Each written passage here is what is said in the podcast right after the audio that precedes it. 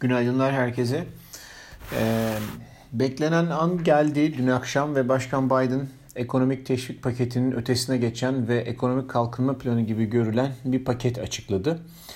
Ee, yaklaşık 2.3 trilyon büyüklüğüne denk geliyor. Pakette ana hatlarıyla 620 milyar dolar ulaşıma ayrılmış, ee, 580 milyar dolar üretim ve imalata, 400 milyar dolar yaşlı ve engellilerin bakımına, 580 milyar dolar da ARGE'ye e, harcanmış. E, yatırım yani yatırım planı yapılmış. Bunların detaylarını e, e-mail notunda yazdım. Şimdi burada çok uzatmayayım ama e, ciddi anlamda altyapı inşaatı e, gerçekten tam bir altyapı e, paketi olmuş. Çünkü otoyolların, köprülerin, havaalanlarının, okul binalarının, e, su taşıma hatlarının filan iyileştirilmesi için ciddi harcamalar var gerçek anlamda bir kalkınma planı gibi gözüküyor. Ee, burada daha önceki plandan 1.9 trilyon dolarlık e, paketten farkı bunun farklarından bir tanesi e, bunun kamu bütçesinden harcanmak yerine e, %21'den %28'e çıkartılan e, kurumsal vergiyle karşılanacak olması. Bu bir anlamda iyi ama bir anlamda da şöyle bir şey var. E, şimdi bu şey artışı, vergi artışı 15 e, yıla yayılan bir sürede şeyi karşılayacak. E, giderleri karşılaması planlanıyor. Oysa giderler 8 sene içerisinde tamamlanacak. Yani bu paketin e, öngördüğü iyileştirmeler 8 sene içerisinde tamamlanması bekliyor. Dolayısıyla orada bir mismatch var. Zaman açısından bir uyumsuzluk var. Bu da federal bütçeye ekstra bir yük oluşturacaktır. Önümüzdeki zamanlarda yine bununla ilgili muhtemelen senatoda görüşmeler, konuşmalar olacaktır. Biz de onları aktarmaya çalışırız. Büyüme ve enflasyon tarafında ise ortamın yeniden ısınmasına neden olacak bir durum bu. Ee, yani büyümeyi tetikleyecek, buna paralel olarak enflasyonu da arttıracak bir e, faktör gibi gözüküyor. Şimdi e, bunun e, yine hani detaylarını kısaca e-mailde yazdım bakabilirsiniz oradan. E, piyasaya etkisi anlamında baktığımızda e, en başta tabii Şubat ayı sonuydu yanlış hatırlamıyorsam e, iki tane not paylaşmıştım. Bir tanesi Caterpillar e, başlığıyla, öbürü de bir başka Biden dönemi teması ve Arkosa başlığıyla. E, burada bahsettiğim, o e-mailde bahsettiğim hisse gruplarının hepsinin pozitif performans göstermesini bekliyorum. E, çünkü tam onların dönemi şimdi. Onlar en çok e, işte ihale alacaklar, para kazanacaklar vesaire vesaire.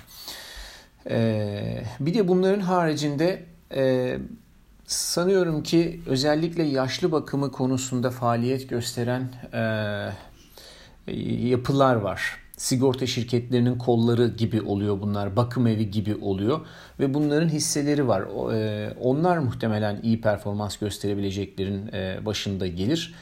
E, diğer yandan yeşil enerji ve elektrikli araç piyasası e, burada iyi performans gösterecektir. Çünkü pakette şöyle bir şey de var. 2030'a kadar olan sürede 500 bin tane elektrik şarj istasyonu yapılması bulunuyor.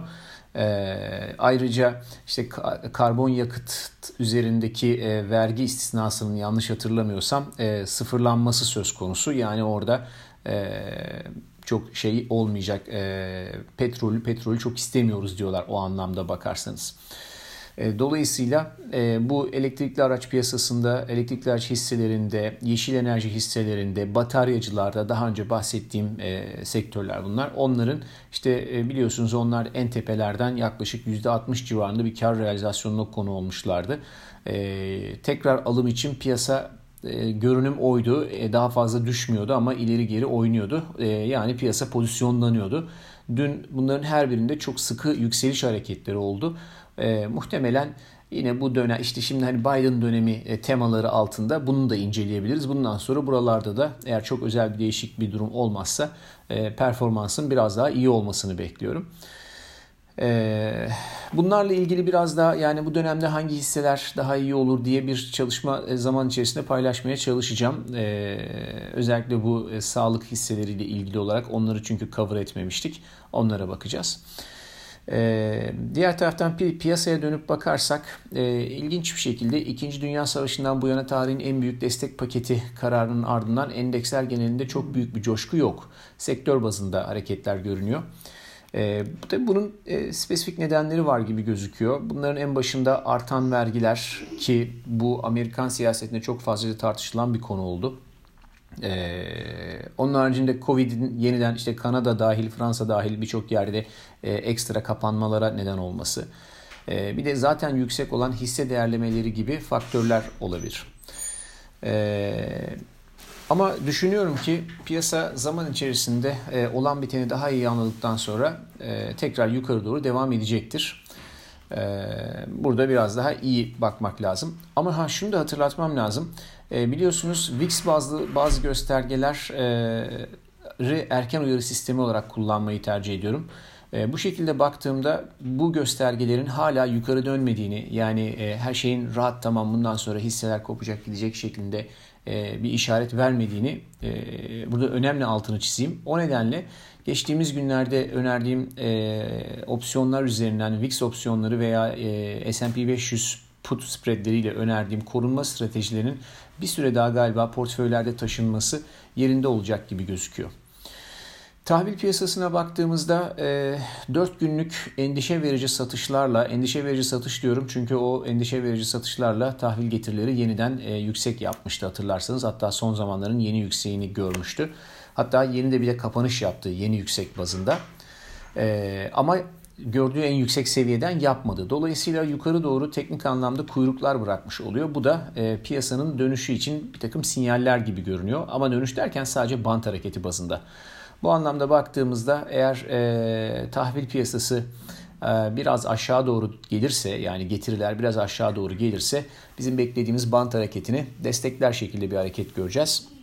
Ama tabii e, yarınki enflasyon, e, özür dilerim, e, tarım dışı istihdam verisi e, bu noktada çok önemli olacak. E, o, o yüzden e, hala yani e, ne altın için ne e, gümüş için yukarı veya aşağı gider şeklinde bir şey söylemek zor. Ama şunu söyleyebilirim.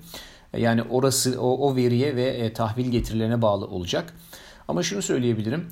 E, ta Şubat ayında yanlış hatırlamıyorsam 1760-1670 bandını tanımlamıştık. O zamanlar fiyat işte 1800 doların üzerindeydi ve bu aralığa kadar bu aralık içerisinde bunun denge bulmasını bekliyoruz demiştim. Gerçekten de şimdilik böyle oldu ve ikinci kez bu bandın, bu kanalın alt bandını test etmiş oldu ve oradan destek buldu dün. E, teknik olarak tabii şimdi burada bakmak lazım. Eğer e, bu görünüm çalışacak olursa önümüzdeki günler içerisinde, önümüzdeki haftaya sarkacaktır diye tahmin ediyorum. O kadar hızlı olmaz ama tekrar bir 1750-1760 bölgesine kadar bir e, hareket ihtimali var.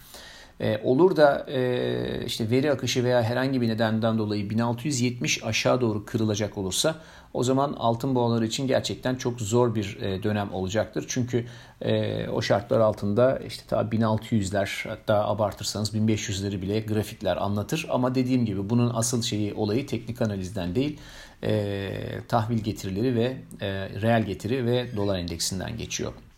Gümüşte ise 200 günlük hareketli ortalamanın altında işlem görüyoruz e, ve bu direnci kırana kadar aşağı yönlü risklerin etkisi altında kalacaktır. E, platin ve paladyum e, fena görünmüyorlar. Platin son e, bir haftadır, iki haftadır işlem gördüğü 1200-1150 bandında gidip geliyor. E, burada şöyle bir detay var. E, Biden'ın planında karbon emisyonunun azaltılması konusu bir başlık oldu tek başına ayrı bir başlık oldu. Dolayısıyla benzinli araçların karbon emisyonu kontrolünde kullanılan paladyum ve dizellerde kullanılan platin için bu olumlu bir faktör olabilir. E, o anlamda belki yukarı doğru e, eğer demin bahsettiğim bu getiri, reel getiri ve dolar endeksi izin verirse e, platin ve paladyumda biraz daha güçlü bir hareketler görebiliriz. E, onu kenara koymuş olmak lazım. Petrol tarafında OPEC var. Çok bir şey söylemiyorum. Suudiler orada e, harika sürprizler yapıyor biliyorsunuz. O yüzden e, kim bilir bu sefer ne olacak diye bakıyorum. E, bakır e, yavaş yavaş aşağı doğru süzülmeye devam ediyor beklentimize paralel olarak. E, 392 sent bölgesindeki hareketli bir orta hareketli ortalaması var. Orayı kırdıktan sonra 370'e kadar güçlü bir destek yok. E, destek paketinde üretime e, ağırlık verilmiş olmasına rağmen bakırda bir alım olmaması e, bu piyasanın bakırın biraz daha aşağı gitmeye çalışacağını söylüyor ki zaten bunu geçen haftalarda e, çok önceden söylemiştim böyle bir şey olmasın olabileceğini pozisyonlanmaya bakarak. E, o yüzden e, bakırda da 392 sent bölgesi çok önemli. Eğer bounce edebilir yukarı doğru tepki gelebilir ama eğer kırarsa e, short'a yetişmek lazım diye düşünüyorum.